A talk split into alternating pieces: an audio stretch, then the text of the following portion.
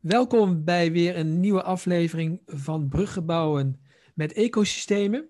Um, van Haren en Yves. En vandaag zijn we in gesprek met Paul Bessems. Uh, Paul is uh, CEO van Weconet Technologies en vertaalt techniek naar concrete toepassingen. En is werkzaam, en dan moet ik het goed zeggen, fellow en bestuursvoorzitter van We Economics Foundation. En deze stichting draagt bij aan de organisatie van een duurzame welvaart door de inzet van organisatietechnologie en fundamenteel nieuwe organisatievormen. Paul, een hele mond vol. Toen ik jou ging googlen, kwam ik zoveel tegen dat ik eigenlijk niet wist hoe ik jou zou moeten omschrijven, omdat er zoveel over jou te vertellen is. Daarom stel ik eigenlijk het liefste vraag aan jou: hoe zou je jezelf willen omschrijven? Ja, dank voor de uitnodiging. Hoe zou ik mezelf willen omschrijven als iemand die de ontdekking is gekomen hoe het niet moet?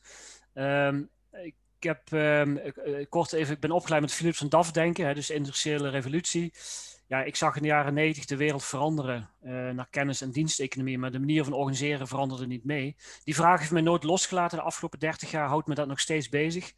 Uh, en ik ben ook heel actief bezig om wel die transformaties te doen, zeg maar van kantoororganisaties naar uh, ja, andere manieren van organiseren. Ecosystemen spelen daar een heel belangrijke rol in. Uh, dus kort samengevat ben ik een, uh, ja, zeg maar een transformation lead, zou je het ook kunnen noemen. En mijn uh, visie en ook mening is eigenlijk, je kunt pas iemand ergens naartoe leiden als je er zelf een keer geweest bent. Dus ik praat makkelijk vanuit de migratie van een hiërarchie naar een ecosysteem. Dat komt omdat ik het zelf heb meegemaakt, bewust en actief. En dat heeft bij mij 15 jaar geduurd. Ja, en we proberen dat bij bedrijven eigenlijk in kortere periode te doen. Ja. Oké, dankjewel. Maar laten we dan ook maar eens even beginnen met, met het ecosysteem. Als ik aan jou vraag, wat is jouw definitie? Wat krijg ik dan van jou te horen?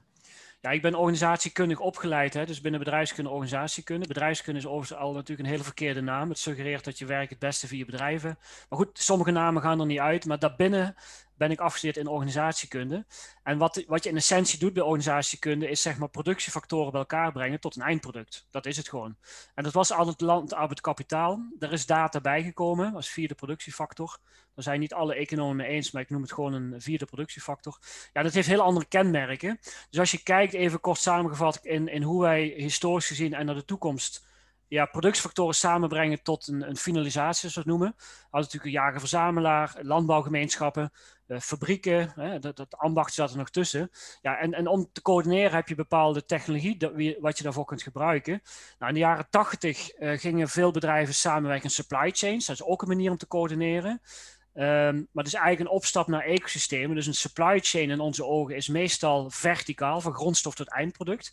En heeft vaak een sterke partij, die de andere partijen systemen op kan leggen. Denk aan een Albert Heijn in de retail of een ASML. Um, in de volgende stap, en als je naar een ecosysteem kijkt, dan is dat niet alleen verticaal organiseren, maar ook horizontaal. Dus je kijkt ook naar andere sectoren, omdat data agnostisch is. Kijk je ook naar andere sectoren, je kijkt ook naar overheidsinstellingen, kennisinstellingen, dus ook meer horizontaal. En er is niet één machtige partij in een ecosysteem. Het is veel meer gelijkwaardigheid. Dus samen bouw je een gedeeld informatie-transactienetwerk bijvoorbeeld op. En niet één ERP-systeem waar alle toeleveranciers op moeten gaan zitten. Dus een ecosysteem is eigenlijk een, een volgende fase van organiseren. En in onze visie, tot slotte, uh, komt dan nog iets na. En we noemen dat een Decentralized Autonomous Organization. Uh, je mag het ook Tesla-kantoor noemen. Uh, we kunnen autonome auto's maken. Nou, misschien kun je ook iets voorstellen bij autonome kantoren. Dat zijn kantoren waar geen mensen meer hoeven te werken. We hoeven het echt niet meer. Dus de hamvraag is niet, is er technologie om uit kantoren te komen? De hamvraag is, wat doen we na die kantoren? En daar hebben we het net even uitgebreid over gehad. Dus wat, gaan we naar de kantoren doen? Dus dat is veel meer een belangrijke vraag. Dus ik, ik hou me ook al een beetje bezig met, met filosofie, met de juiste vragen stellen bewustwording, dat is denk ik veel belangrijker dan de technologie. Maar dat is even kort hoe wij naar een ecosysteem kijken. Wat ik wel heel interessant vind, is, is die gelijkwaardigheid. Want uh, ik, ik, ik denk dat ik dat kan onderschrijven, dat die gelijkwaardigheid een heel belangrijk aspect is. Uh, naast een aantal andere aspecten, daar komen we zeker nog over te spreken, hè, om een ecosysteem te laten functioneren. Maar wat je wel heel vaak ziet, is dat er toch nog steeds altijd één partij is die het initiatief neemt om zo'n ecosysteem van de grond te trekken, waardoor je misschien niet zozeer een bewuste ongelijkwaardigheid creëert, maar er is dan wel een ongelijkwaardigheid. Herken je dat? Ja, kijk, volledig uh, gelijkwaardigheid krijg je natuurlijk nooit. Maar uh, jullie weten denk ik ook dat ik vrij veel in blockchain technologie doe. Ja, een blockchain werkt alleen maar een ecosysteem. Dat, dat, een blockchain binnen een bedrijf is net zoals als een fysieke lopende band binnen een ambacht. Dat heeft geen zin. En toch proberen bedrijven dat. En proberen vanuit de begintoestand proberen ze anderen mee te krijgen. Een treffend voorbeeld is eh, IBM en Maersk. Hè, die hebben dat ook zo opgezet vanuit ook een machtspositie. Ja, het is heel lastig voor andere partijen om daarop aan te sluiten. En dan schiet je eigenlijk je doel voorbij. Dus daar hebben ze ook wel van geleerd. Dus um, wij beginnen altijd wel inderdaad vanuit een consortiumgedachte, gelijkwaardigheid. Uh, natuurlijk heb je dan partijen die eigenlijk vanaf het begin erbij zitten en die veel meer geleerd hebben en daardoor macht creëren. Maar dat is, dat is geen oude macht van ik ben groot en ik kan je iets opleggen. Maar dat is macht in de zin van ja, ik, ik ben een van de eerste die met een efficiëntere proces kan werken. Uh, dus um, wij, wij, wij, wij proberen het wel heel goed te faciliteren hoe je die gelijkwaardigheid kunt houden. En ook ja, een typisch voorbeeld is, uh, ik noem het vaak voorbeeld Bitcoin ehm, community ja, die begon heel decentraal en heel gelijkwaardig, maar die is, die is toch gecentraliseerd. Nou, dan helpt mijn achtergrond in organisatiekunde. Robert Michels die had al de, de ijzeren wet van uh, oligarchie. Dus alles wat decentraal begint, neigt naar centralisatie. Dus daar moet je eens in voorzien. Het gaat niet vanzelf dat je dat tegenhoudt. Dus we zijn heel erg nadrukkelijk aan het kijken hoe je die gelijkwaardigheid uh, ja, kunt behouden. Ja, en um, een, van de, een van de andere pilaren in, in mijn optiek, en die heb ik eigenlijk bevestigd gekregen tijdens, tijdens eerdere uh, podcast-series, is ook dat uh, in, in, in een ecosysteem is het ook heel veel geven. Herken je dat? Ja, misschien kun je het ook een beetje vergelijken met een huwelijk of samenleven. Dus uh, delen is vermenigvuldigen en dat soort dingen. Maar wat wij nadrukkelijk um, ook als aandachtspunt hebben. Kijk, wij benaderen dit altijd vanuit een holistische benadering. Hè? Dus, dus, dus Plaat had ooit een mooie inzicht. Je kunt dat deel alleen maar genezen door het geheel te behandelen.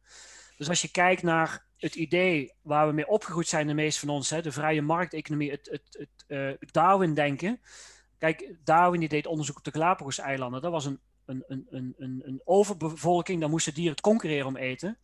Eh, Peter Kropotkin, dat was een Russische anarchist, die deed ongeveer gelijktijdig onderzoek in Siberië. Dat was een onderbevolking, daar moesten dieren samenwerken om te overleven. Dus omstandigheden geven eigenlijk aan wat de beste strategie is. Nou, ik denk dat we nu met dusdanig maatschappelijke uitdagingen zitten, dat per definitie, common sense, iedereen zal het over eens zijn, samenwerken een betere strategie is dan concurreren. Maar je moet altijd een balans houden binnen een ecosysteem tussen uh, samenwerken en concurreren. Dat is waar we ook in voorzien, zou ik maar zeggen, om die balans goed te behouden. Maar ik denk dat de balans iets meer nu naar samenwerken opschuift en minder concurreren. En als je dan over samenwerken hebt, Paul, um, wat is dan daar de grootste uitdagingen in jouw praktijkervaring? Nou, allereerst um, ook daar helpt weer de organisatiekunde. Hè? Dus daar, zijn echt heel veel. Uh, uh, je, je, hebt hygiënefactoren en, uh, en motivatiefactoren. En eh, ja, je kunt het beste samenwerken in hygiënefactoren. Dat zijn, dat zijn processen waar je niet op kunt concurreren. Maar als je ze verkeerd doet, word je erop afgerekend. Maar ja, dan moet je denken aan commonalities, gemeenschappelijkheden, zoals een infrastructuur. dus, dus ja, niemand vindt het erg dat je niet meer hoeft te wachten bij de grens in Europa. Dus, dus dat kun je het beste gemeenschappelijk doen. En je weet van tevoren eigenlijk al uit de theorie op welke processen kun je beter samenwerken en op welke kun je beter concurreren. En wat, staat dan toch zo'n samenwerking uh, zo nu en dan? Stel nou alle, alle voorwaarden zijn uh, gerealiseerd wat maakt dan toch dat het samenwerken uh, uh, lastig is? Of wat bemoeilijkt het dan? Want lastig is, nou, het is een invulling van mij, maar wat, wat zou het kunnen bemoeilijken? Ja, dat is, dat is iets wat in het wezen van de mens zit. Uh, de belangrijkste inzichten worden natuurlijk geleverd door de Tragedy of Commons, hè, de, tragedie van de meent.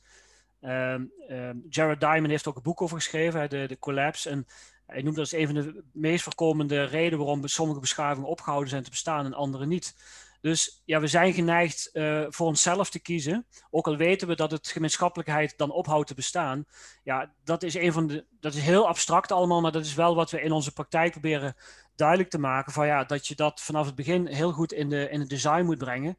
Ja, dat je veel beter kunt samenwerken met elkaar, maar ook elkaar in de waarde laten. De, de meest effectieve teams die werken samen, maar houden toch de verschillen. Ja, want in die verschillen zit ook weer een kracht. Ja, ja. nou, dat sluit heel mooi aan. We hebben het toevallig vanuit... Uh vanuit de Upgrade Society zelf een challenge gedaan. Die gaat over, uh, dat deden we samen met Expert Valley. Die ging over het verschil bij internationale scholen tussen kinderen. En hoe dat verschil juist bij kan dragen aan meer wereldvrede. Dus hoe kun je eigenlijk dat kinderen al veel vroeger leren omgaan met het verschil. Versus lokale scholen, waar die kinderen dat toch wat lastiger vinden. En uh, dus het omarmen van de mismatch het omarmen van de verschil is misschien wel de, de stap naar uh, samenhang. En dus als je dat kunt omarmen met een positief gevoel, en verschil is positief, want dan heb ik dus meer impact als ik samenwerk, maar ik kan me ook voorstellen dat ik ken je als een super gedreven mens dat voorgaat. En dan bedoel ik echt voorgaat voor, voor, de, voor de massa. Als ik daar een komeet, een komeet voorstel, je de voorkant. De, de grote bal die, die maar blijft gaan, daar bewonder ik je in, dat weet je. Um, en daarachter zit een hele staat en dan komt een soort van implementatie van hoe gaan we dit nou doen. Heb je daar in al die jaren van jouw ervaring nou al een, uh, uh, een beeld bij? Wij doen met design thinking en prototyping-achtige oplossingen om mensen in ieder geval naar, door een stukje awareness van zichzelf te laten gaan. Uh, heb, heb jij daar vanuit Week, Weekonomics, Weekonet, heb je daar al wat meer beeld bij al, hoe je die mensen echt kunt transformeren? Ja, Overigens, ja, Economics Weekend, Weekend is de uitvoerder. Wij werken met Trius Politica.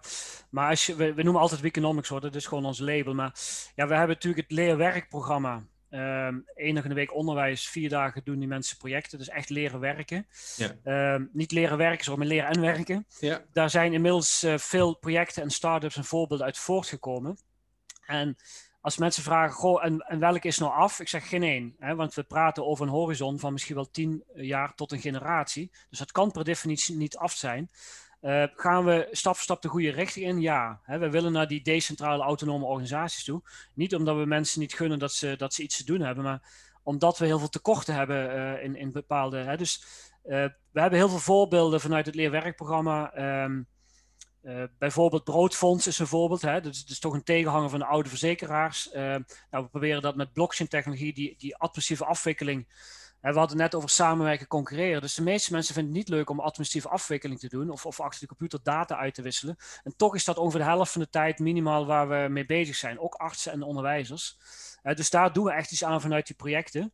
Uh, Pure Picture is een mooi voorbeeld. Hè? Dus je maakt een foto, die wordt geëikt, gevalideerd, dat, dat toestel. En ja, die foto weet je precies dat, dat de, de, de, de origineel is. Als er één pixel verandert, dan weet je dat het fake nieuws zou kunnen zijn. Dus ja, daar komen hele leuke maatschappelijk relevante uh, start-ups uit voort. je kent Bistro misschien, ja. de, de tegenhanger van Deliveroo. Dus, ja, dus, dus wij proberen eigenlijk uh, met die start-ups vanuit een gezamenlijk gedachtegoed, een duidelijke visie dat de toekomst duurzaam, decentraal en digitaal is, proberen we allemaal eigenlijk dezelfde kant op te gaan.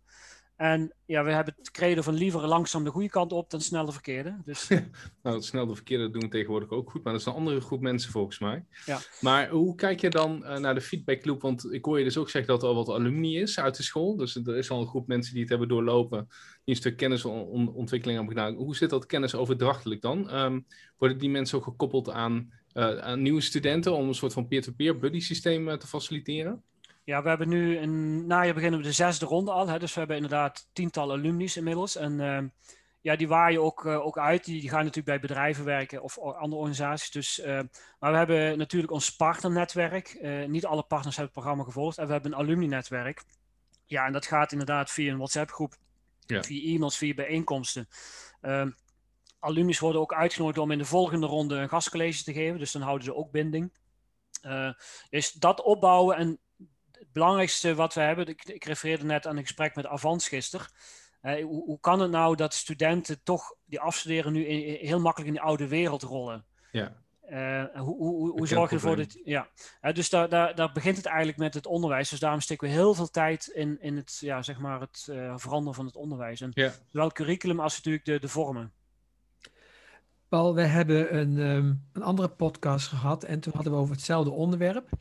En um, de persoon uh, uh, die daar uh, een, haar mening over gaf, die zei: We moeten dat eigenlijk al niet alleen maar op de universiteit en de hogescholen gaan inzetten, maar al veel eerder. Die hele attitudeverandering, die moet je eigenlijk op de lagere school al, al, al naar voren laten komen, zodat je dan op de universiteit en de hogescholen kunt voortborduren. Ik hoor jou net zeggen dat mensen toch weer in de oude industrie, in de oude uh, werelden gaan werken. Die zijn er, dat is een feit. Uh, je wil ze natuurlijk in die nieuwe wereld laten werken. Zou het helpen in jouw optiek als je deze thema's al op, op de juiste manier ook adresseert op een lagere school, dat je dan meer effect gaat sorteren? Ja, ik denk het wel natuurlijk een hele andere vorm als wij uh, communiceren. Dus wij, ja, we zitten toch vaak op HBO-WO-niveau. Ik heb uh, een paar keer wel op een VWO iets gedaan. Dat waren eigenlijk uh, de, de, de goede studenten die daar echt mee bezig waren al. Dus dat is even de range die, die ik heb. Maar ik denk dat het zeker mogelijk is om met mensen uit het lager middelbaar onderwijs hierover te hebben hoe je dat zou kunnen incorporeren. Ehm, ja, we kijken heel erg naar natuurlijk school of life. Dus je moet, je moet mensen voorbereiden op het leven, niet op een baan. Want het is echt zo dat de accountant, die hebben wij in principe niet meer nodig omdat de technologie er is. Ja, waarom leid je ze dan nog op? dus dat is, een, een wezenvraag ook voor maatschappij. Uh, en ik denk dat je een brede maatschappelijke dialoog aan moet gaan. Bijvoorbeeld over de vraag waarom hebben we economische zaken die innovatie stimuleert en sociale zaken die, die volledige werkgelegenheid nastreeft. Die twee kunnen gewoon niet samengaan. Dan moet je een keuze maken. Ja, en die keuze is op zich niet zo moeilijk, want we hebben gewoon tekorten. We hebben tientallen jaren geprobeerd het met geld op te lossen. Dat lukt niet. En zeker met een mindere arbeidsmarkt, hè, dus de, de, de vergrijzing en ontgroening, kun je niet anders dan de mensen in kantoren productiever maken. Daar zit echt het surplus. Hè, de, de, het, het, het, eh, zeg maar het, eh, waar er te veel van is. We hebben heel grof gerekend, uh, uh, 2,3 miljard uur per jaar kun je gewoon bezuinigen als je technologie slim inzet. Dat is 1,8 miljoen FTE's, wat er over zijn uit kantoren. En die kun je inzetten in maatschappelijke dingen. Ja. Ik wil even refereren aan een filmpje wat ik in de voorbereiding van jou zag. En daar roep je inderdaad uh, niet deze getallen, maar wat je wel zegt, dat surplus moeten we krijgen. Om, om de maatschappelijke problemen, en dan heb ik, schrijf ik even op, onderwijs, zorg en veiligheid op te lossen. Je kunt denk ik wel je eigen filmpje herinneren. En um, waarbij dus gezegd werd door jou van ja, maar we kunnen niet allemaal uitbesteden. Ik, ik, heb het gelezen als volgt, en ik wil, misschien heb ik het verkeerd begrepen, dat er eigenlijk bij ouders dus ook een verantwoordelijkheid zou komen te liggen voor deze zorg. Ehm, maar dat ze dat door werk vaak niet hebben. En dat je dus door, door slimmer inzetten van het werk, dat je meer tijd over hebt. En toen ging er een gedachte door mijn hoofd heen. En dat was het afgelopen jaar rond COVID. Waarbij ouders thuis kwamen te werken. En ehm, zo blij waren dat de scholen weer open gingen, omdat ze dat een drama vonden. Ik dacht aan mantelzorg wat uh, misschien een heel mooie gedachte is, maar de mantelzorg vanuit familie. Hè, ik kan het zelf uit ervaring spreken, dat dat toch vaak een probleem is. Dus, dus ik zag een discrepantie, maar misschien heb ik het niet goed begrepen tussen het feit dat je dus je surplus aan tijd kunt krijgen om andere dingen in te zetten. Maar dan ook de vraag is, willen wij dat als mensen ook? Of willen wij in het kader van individualisering veel meer dingen doen die voor onszelf leuk zijn? Nou, heb beide misschien, maar even terugkomen op, op eh, COVID. Dus mensen zijn inderdaad overdag zo druk dat ze die kinderen gewoon niet bij willen hebben. De vraag is, waar zijn ze druk mee? Dus daar doen we iets aan. Omdat de helft van de tijd zijn ze iets aan het doen wat ze niet meer hoeven te doen. Um, dus dat betekent dat, dat je ook niet druk bent als de kinderen thuiskomen. Maar um, kijk, het, het, wat meer lange termijn verhaal is dat uh, René Gudde had een mooi model voor ontwikkeld, het Agora-model. Dus de, de, de, de Denker des Vaderlands dus pas een paar honderd jaar hebben we als mensen drie sferen om ons heen gecreëerd. Om ons, ons leven aangenamer te maken. Publieke, politieke en private sfeer. als die drie sferen meer problemen gaan opleveren dan oplossingen. Dan moeten we kijken wat, wat zouden we zelf kunnen doen. Als we dat surplus hebben zou ik maar zeggen. En ja, heel eenvoudig mantelzorg noem je me ook. Ja, als je toch je kinderen van school haalt. En de opvoeding niet uitbesteedt aan het onderwijs. Want die kan het niet doen. Klasjes worden steeds groter dan hebben we misschien minder hangjongeren, misschien minder maatschappelijk. Dus het, het is niet zo moeilijk. Hè? Dus werk wat je niet hoeft te doen op kantoor, niet meer doen. Ja, dat surplus kun je op allerlei manieren verdelen. En ik denk, een van de verdelingen is toch uh, wat meer zelf een opvoeding doen. Uh, alle voetbalclubs hebben tekort aan vrijwilligers. Uh, dat soort dingen. Is heerlijk hoe je dat zegt, Paul. Gewoon even iets van opvoeding doen. Ja. Ik, ik ben een groot fan van dit soort uitspraken, zoals je weet. Ja, het interessante is, ik moet altijd lachen als ik jou hoor, Paul. Het, het, het zit zo strak en correct in elkaar, het verhaal. En, en dan denk ik, als je zegt van ja, er komen mensen dus achter dat ze de kinderen niet bij willen, maar dat ze eigenlijk een job aan het doen zijn waar ze eigenlijk 50% mee kunnen stoppen. En dan van, oh ja, dat is wel interessant. Dus je bent 20 jaar bezig, je komt uh, in een fase van je leven, je hebt een carrière gevormd, je hebt je helemaal geïdentificeerd. Je hele ego is aligned met dit is wie ik ben, want dat heeft de maatschappij je waargemaakt of uh, proberen te vertellen omdat er een tekort aan zelfontwikkeling is, weet je niet dat je niet je job bent, maar daar heb je mee geïdentificeerd. En nu komt er iemand, Paul Bessems, en die zegt, joh, weet je wat je moet doen? Even lekker de helft van je identiteit inleveren. En dat is natuurlijk een punt waar we tegenaan lopen. Dus we hebben te maken met mensen die zo uh, extern georiënteerd zijn om een stuk bevestiging te krijgen en daarmee een eigen identiteitsprofilering. dat op het moment dat we zeggen dat doe dan maar niet meer, de enige wat het overlevingsstrategie gaat doen, dat ego zegt: ho, ho, wie is die gekke Paul Bessems? Hou eens op is helemaal niet waar wat hij zegt. Dat is, echt onzin. Dat moet je niet doen. Nee, je moet deze baan gewoon houden. Die is goed voor je. En anders moet je die baan gewoon houden en dan er vervolgens over klagen. Want dan heb je in ieder geval nog de baan. Weet je, dus het is ook... Want op het moment, uh, dat noemen ze in de psychologie een beetje het masochisme, de klagende masochist. Dus op het moment dat ik dan zeg, ja, mijn baan is heel suf en ik zeg, nou, wil je een andere baan? Nee, Nee, doe maar niet. Nee, ik vind, nee, maar het is wel een rotbaan. Ja, waarom hou je die baan dan? Nou, omdat ik me heb geïdentificeerd met het klagen om die baan. Dus dat is het hele probleem waarom mensen niet doorstromen. Of in ieder geval één van de problemen. Nou, anders maak ik het misschien te groot. Maar een van de problemen is dat ze volledig geïdentificeerd zijn met de externe uh, waardering van de job die ze hebben. En the only way is up. Dus op het moment dat je de helft van af gaan haalt, wordt het dus een helft minder. Ja, dat is niet wat we willen. Dus ik vind het, uh, ja, dus het klopt als een bus. Maar hoe gaan we dit nou? Eh, los van deze podcast, hoe gaan we hier nou mensen in bewegen? Dat van, joh, je bent je baan niet, je bent veel meer dan dat. Je bent ook niet alleen papa, je bent ook niet alleen mama, je bent niet alleen je baan, je bent ook niet alleen de trainer bij de voetbalclub. Je bent veel meer dan dat. En ik denk als we mensen daarin kunnen inspireren en motiveren, dat ze dat potentieel van zichzelf echt omarmen. En dat ze zelfs dat ook nog niet eens zijn, maar goed, dat ze in ieder geval dat ook zijn. Dan kunnen ze misschien dat deel van die baan waar ze mee identificeren iets meer loslaten. Hoe kijk je daar naar, Paul? Ja, maar dat is, dat is een terechte opmerking. En misschien wel het meest belangrijke. Dat, uh, ik, zie dan ook in de, ik zag het in de internet zien, ook in de blockchain zien, dat het heel snel over die technologie gaat. Maar ja, je moet ook omstandigheden creëren waardoor die technologie goed gaat werken. En dat is onder andere iets doen aan identiteit, aan workism, uh, verslaving. Uh, dus al die dingen. Die zelf aangeleerde hulpeloosheid, wat je ook zei. Hè, dus we vinden ja. het eigenlijk niet leuk, maar we, we, we, zijn niet in staat er iets aan te doen.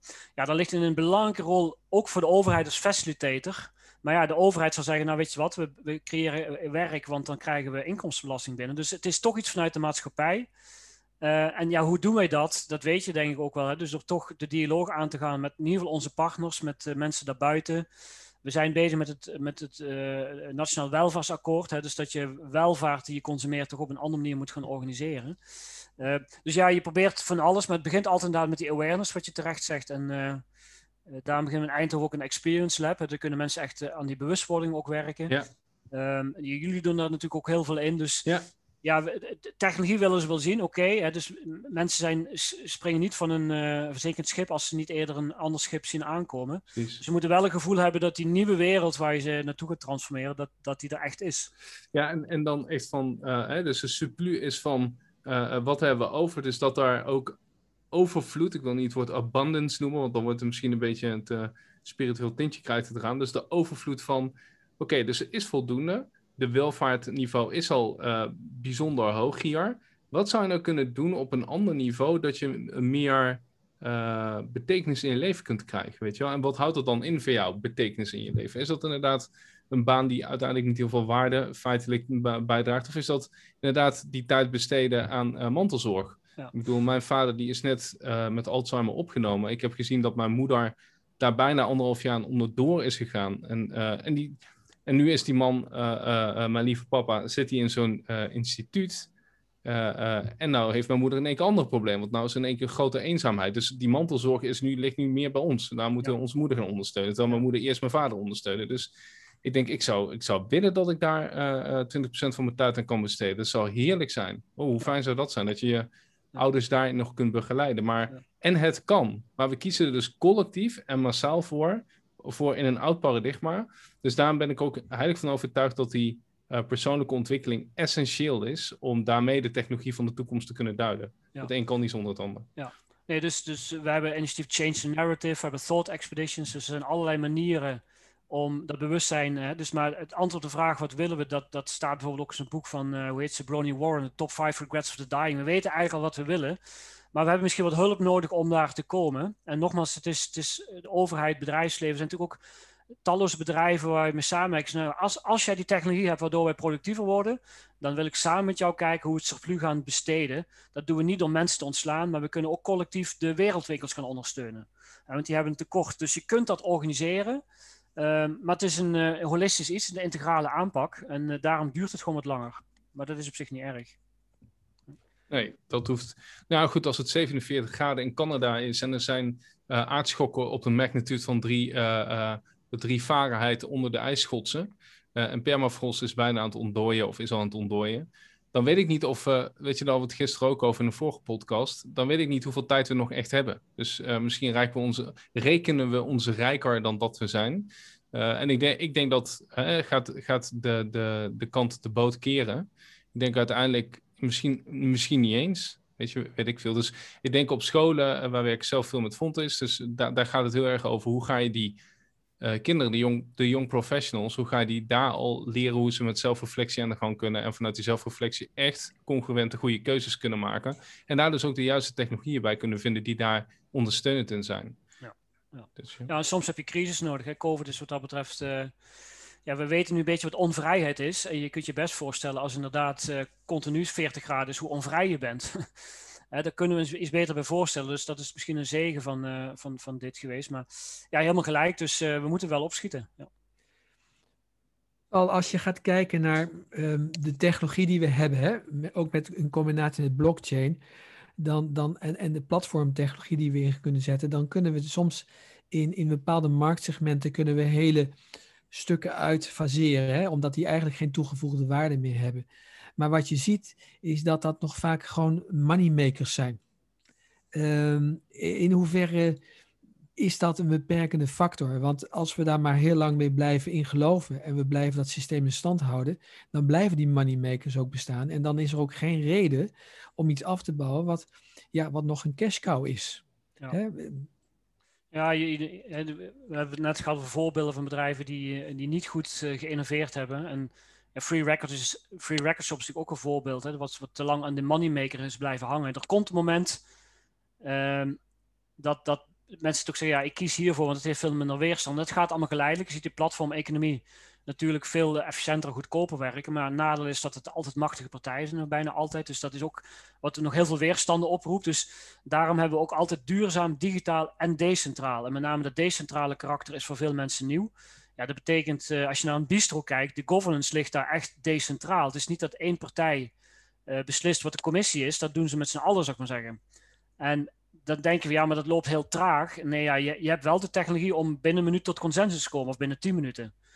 En dat is ook een beetje waar wij zeggen, nou, daar willen we eigenlijk naartoe. We hebben natuurlijk vaak een discussie, als je surplus creëert, je hoeft niet meer kantoren, ja, dan moet het basisinkomen komen. Maar het basisinkomen wordt uitgegeven aan bedrijven wat je natuurlijk net niet wil. Je moet eigenlijk weer teruggaan naar de productiefactoren in handen van mensen te geven. Nou, dan denken veel mensen, oh, dat, dat was communisme ook, dat willen we ook niet.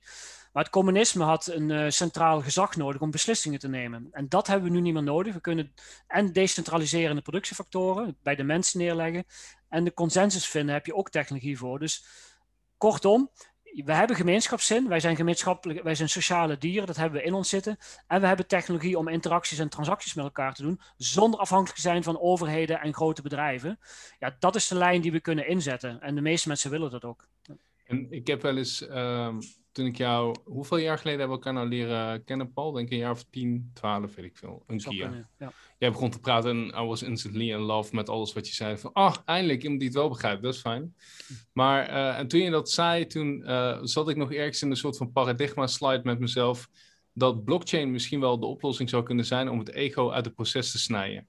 Uh, en nu denk ik dat dat nog steeds op een bepaalde manier zo is. En zeker denk ik ook uh, bij Fontosensor met de Moral Lab bezig. Dus hoe maak je technologie en op basis van welke um, vormvoorwaarden, op basis van welke overtuigingen wordt dat dan geschreven? En klopt dat dan nog wel met hetgeen wat je als uitkomst wil hebben? Dus wie schrijft de code en hoe bepaalt dat de uitslag? Laat ik het zo zeggen als je daar, uh, daar begint eigenlijk ook al dat ego eruit te snijden. Dus hoe ga ik dan zorgen dat ik echt een congruent verhaal heb, een objectief verhaal heb, wat in alle modellen van de wereld een kloppend verhaal is. En daarnaast, um, hoe gaan we dat als een soort van systeem gebruiken, dat we eigenlijk dwingen dat systemen uh, meer eco worden instead of ego. Hoe kijk jij daar tegenaan? En wat zijn, en dan een subvraag erbij, wat zijn dan systemen die daar nu aan toe zijn? Want daar ben ik ook wel echt uh, geïnteresseerd in. Ja, je hebt natuurlijk de hele open source communities, hè, dus dat zijn uh, meestal geen ego's. Misschien heel typerend is dan toch nog even de Bitcoin Core eventjes uh, nadrukkelijk doen. Dat de, eerste fork van Bitcoin. Uh, Vladimir van der Laan, dat is een Eindhovenaar. De meeste mensen kennen hem helemaal niet, maar die, die levert een, een van de meeste bijdragers aan het onderhouden van die software. En noem het Bitcoin blockchain is software die al twaalf jaar bijna draait een paar honderdduizend transacties doen ze per dag. Geen mensen, geen kantoor. Het is nooit gelukt door iemand twee keer dezelfde bitcoin uit te geven. Dus dat, dat draait gewoon. En dat zijn geen ego's. Dat zijn mensen die zeggen, nou, ik, en ze moeten ook een bitcoin improvement proposal indienen. En als ze in sommige gevallen drie kwart van de mensen mee kunnen krijgen, dan wordt die update wordt dan gedraaid, zeg maar zeggen. Dus dat is heel decentraal. Maar als je vervolgens kijkt naar de eigenaren van de bitcoins of de bitcoin miners, is dat heel erg gecentraliseerd dus je moet daar nogmaals in het ontwerp heel goed rekening mee houden dat je het ook decentraal kunt houden. Maar er zijn talloze voorbeelden van open source ecosystemen die eigenlijk heel ja, decentraal werken. Ja, en als, wat is, uh, um, ja, dan geef je wel een antwoord op mijn vraag en toch wil ik hem meer specificeren. Wat zijn dan um, omgevingen, gewoon hier, we zitten allemaal in de Brainport, en in, in de Brainport, wat zijn de omgevingen die daar uh, zich toe, uh, ja, die uitnodigen om dat soort technologie in te zetten, om daarmee dus te neutraliseren of te... Ja. Ja, je, je, als je hebt transparante algoritmes bijvoorbeeld, is heel erg belangrijk. Maar ja, wat, wat mooi in Eindhoven bij elkaar komt, is eigenlijk techniek, design en triple helix. Ja. Er komt meer bij elkaar, maar dat zijn even drie belangrijke dingen op, op, op jouw vraag. Dus die governance met triple helix vanuit de consortiumgedachte, gedeelde IP-rechten. De investeerder krijgt een, een mooi rendement, maar dat hoeft geen 20, 30 keer de, de investering te zijn. dus uh, de overheid draagt goed bij, provincie Brabant ook wel, met de bom en zo. Um, dus, dus ook wat je net zei met uh, Bart Werner, is volgens mij van het Model ja, Lab. Ja, um, ja zeker. Um, dat, dat, dat proberen we echt vanuit het design en techniek bij elkaar laten komen. Dus die, dat leerwerkprogramma waar ik het net over had, dat is echt een ontwerpopleiding. Uh, die nieuwe wereld moet je gewoon ontwerpen. Hè? Dus we hebben het over een nieuwe sociaal-economische orde. Waarbij je veel minder, minder afhankelijk bent van privaat, publiek en politieke organisaties. En veel meer vanuit gemeenschapszin en, en technologie doet. Maar die technologie moet je wel decentraal houden.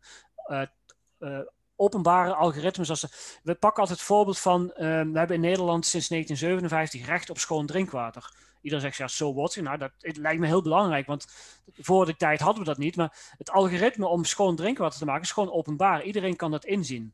Maar het algoritme wat de tijdlijn van jouw Facebook, ja, dat is niet. Uh, hè, dus we willen eigenlijk naar data-infrastructuur vergelijken met het drinkwater. En, en, Nederland is een van de twee landen wereldwijd, volgens mij met Ecuador, of nog, nog een ander uit, die ook verboden hebben dat de drinkwatervoorziening geprivatiseerd kan worden. Dat is ja. gewoon de eerste levensbehoefte. Dus er zijn zoveel parallellen die je al hebt wat je kunt gebruiken bij het ontwerp van die nieuwe wereld. En de techniek die is er wel gewoon, dat is niet het probleem. En, en, en als ik nou iemand in Brainport of gemeente Eindhoven ben en ik, uh, ik heb helemaal niks met al dat uh, universitaire en uh, auto's op licht en uh, campussen en ik, loop, ik ga gewoon naar de supermarkt, luid gewoon mijn leven. En er schijnt hier in de regio van allerlei dingen te gebeuren waar ik allemaal geen verstand van heb en dat vind ik gewoon helemaal niet boeiend.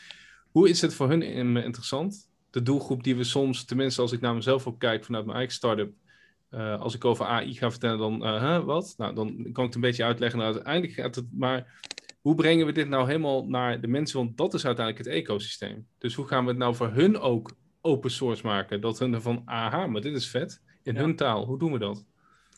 Ja, we hebben uh, in september ook het Experience Lab in Eindhoven. Daar gaan we echt met Lego bijvoorbeeld beginnen om te, dus wat zijn data en hoe organiseer je vraag en aanbod van data? Dat is echt een wezenvraag geworden, omdat dat gewoon een belangrijkste productiefactor is geworden. Dus dan zie je mensen gewoon wel zeggen, oké, okay, eigenlijk is het heel simpel als je, als je data gedreven werkt. We hebben allemaal complexe IT-systemen, maar data is heel erg simpel. Hè? Dus ja. dat is agnostisch ook en dat snapt ze meteen. En dan laat je ook een treintje lopen en dan ga je dus een smart contract simuleren. Dus je probeert eigenlijk ja, niet technisch uh, dat uit te leggen, want zo, zo moet je het gewoon doen en dan gaan ze erin geloven. Mm -hmm. En als je in geloof ga je naar gedragen en gaat het gebeuren. Dat is natuurlijk de weg. En ook daar hebben we weer parallellen. Uh, Sylvia Nasser die schreef een heel mooi boek, uh, Geniale Economen.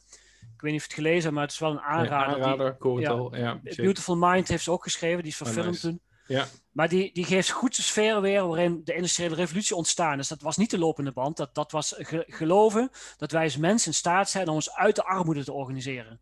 En net zozeer willen wij proberen uh, mensen mee te krijgen in het geloof dat wij in staat zijn om een duurzame welvaart te organiseren. Dus niet ja. meer welvaart, maar verduurzaming. Dat kunnen we echt. Dat zit echt in ons. Ja. En we zijn nog op tijd, maar we moeten niet nog een paar generaties wachten. Paul, dit, dit is als ik jou zo hoor praten, echt een initiatief wat uh, is ontstaan in Eindhoven, hè, rondom Brainport. Als je gaat kijken naar de landen om ons heen, hoe leeft dit onderwerp in andere landen? Nou, je, je hebt natuurlijk lange tijd aandacht nu voor verduurzaming, duurzame energie, grondstoffen. Dat is ook de tipping point voorbij, dat vindt iedereen normaal. Uh, maar wat vrij nieuw is, is bijvoorbeeld digital waste. Dat, dat zien ze niet, dat weten ze niet. Die, die 1,8 miljoen FTE's, dat is gewoon digital waste. Dat is enorm vat aan mogelijkheden wat je als maatschappij creëert als je dat, als je dat realiseert. Dus dat is vrij nieuw. Um, en wat ook vrij nieuw is, is die digitale lopende band. Die is in Nederland, de fysieke lopende band is in Nederland ook een beetje een brainport. Dat heette toen nog niet, maar uh, Bata uh, voor de schoenen, Philips en DAF, die hadden natuurlijk de eerste. Dus ja, als je slim bent en je zet die technologie goed in, ja, dan kun je dat ook maatschappelijk gezien uh, voor je welvaart gaan gebruiken. Dus wat, wat, wat vrij nieuw is, is verduurzaming van de welvaart, is eigenlijk veel breder dan alleen grondstof en energie.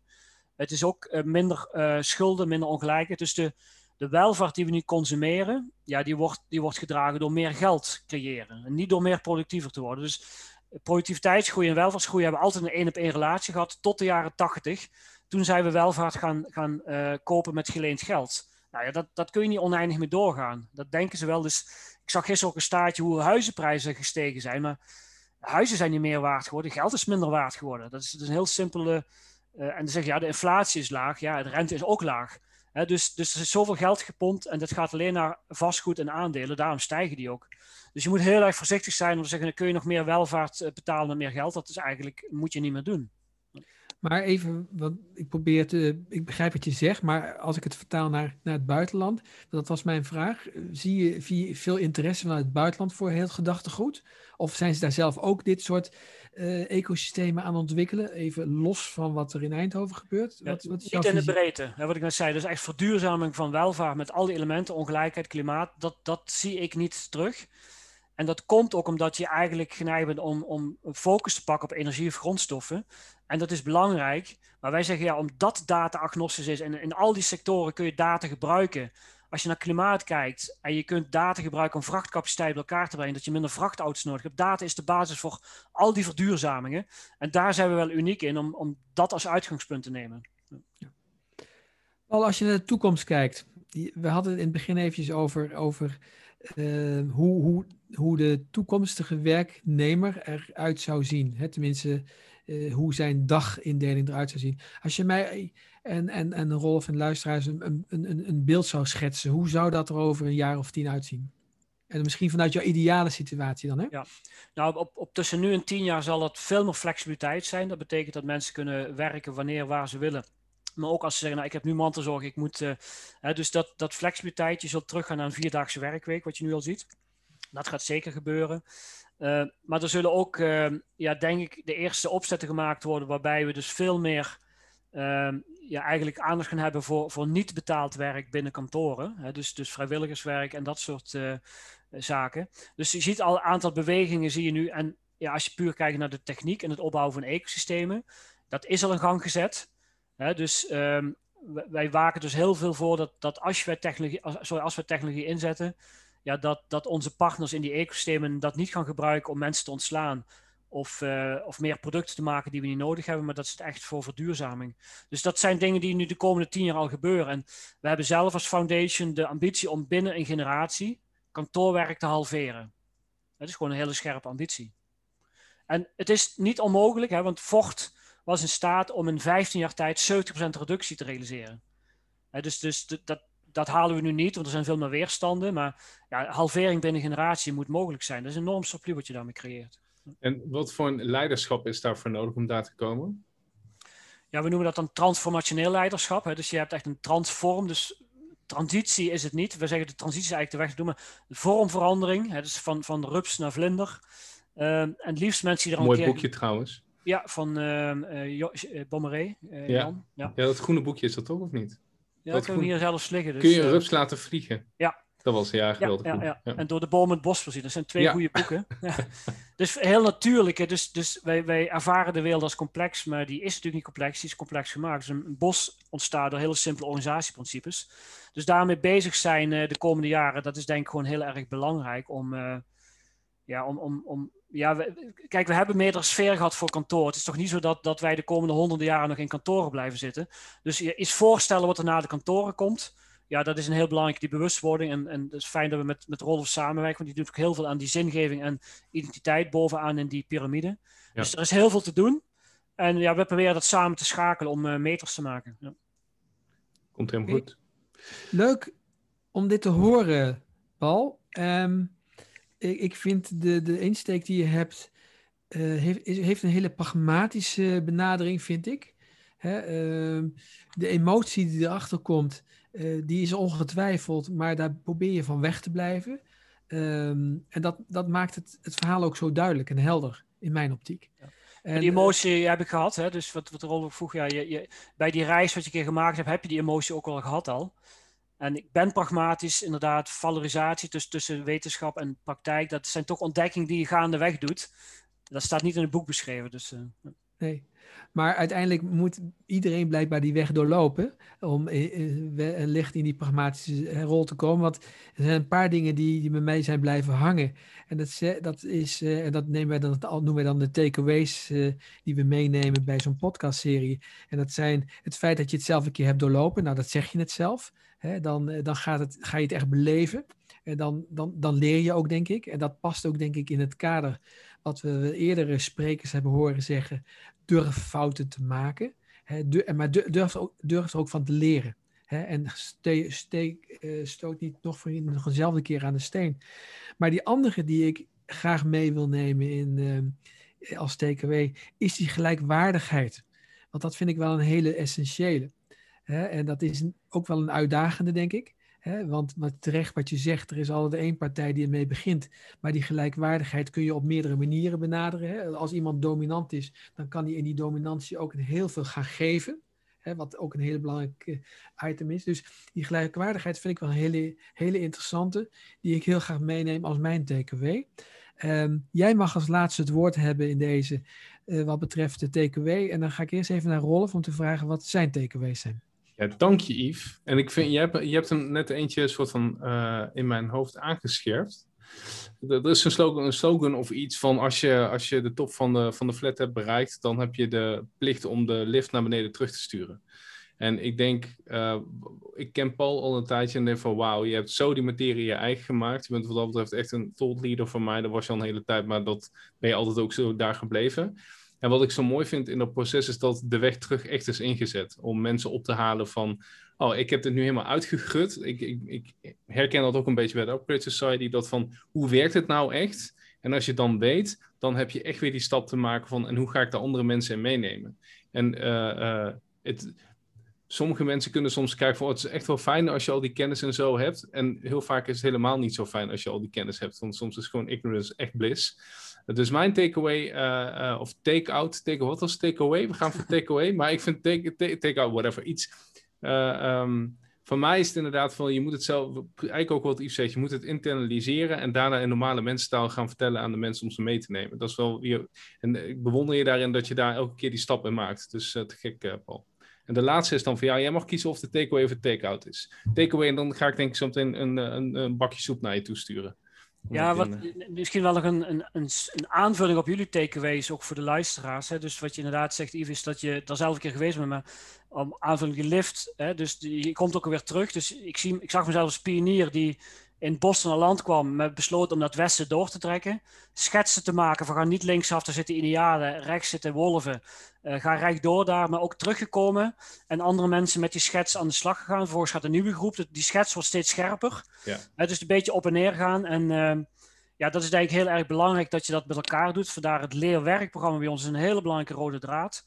de alumni's ontstaan, wat je net al zei, je, zo ontstaat een netwerk waarbij je samen leert. Dat is natuurlijk veel krachtiger dan uh, ja, mijn grootste uitdaging persoonlijk is uh, inderdaad uh, meer mensen hierin meekrijgen. Ja, en de takeaway voor mij bij dit soort podcasts is altijd weer hoe belangrijk het is om dit samen te doen, zo'n podcast naar jullie doelgroep toe. Ik ga hem ook delen. Mensen weten Rolf straks beter te vinden. Dus ja, die, dat, dat wil ik ook graag meenemen om dit soort podcasts nog eens te versterken en vaker te doen. Mooi, tof. Paul, ik wil je enorm bedanken voor je bijdrage. Ik vond het heel inspirerend, leuk. En weer een, weer een, weer een, een nieuwe invalshoek in een hele serie podcasts die we hebben gedaan de afgelopen tijd. Ik denk dat het voor de luisteraar ook een hele interessante geweest is. Er zijn veel Engelse termen gevallen, maar die kunnen we allemaal weer terugvinden. Ergens. Uh, dus, uh, als dat Koop zijn boeken, dan komen we er zelf achter. Dankjewel en dankjewel voor de luisteraars. Dankjewel. Graag gedaan. Dank je. Ciao.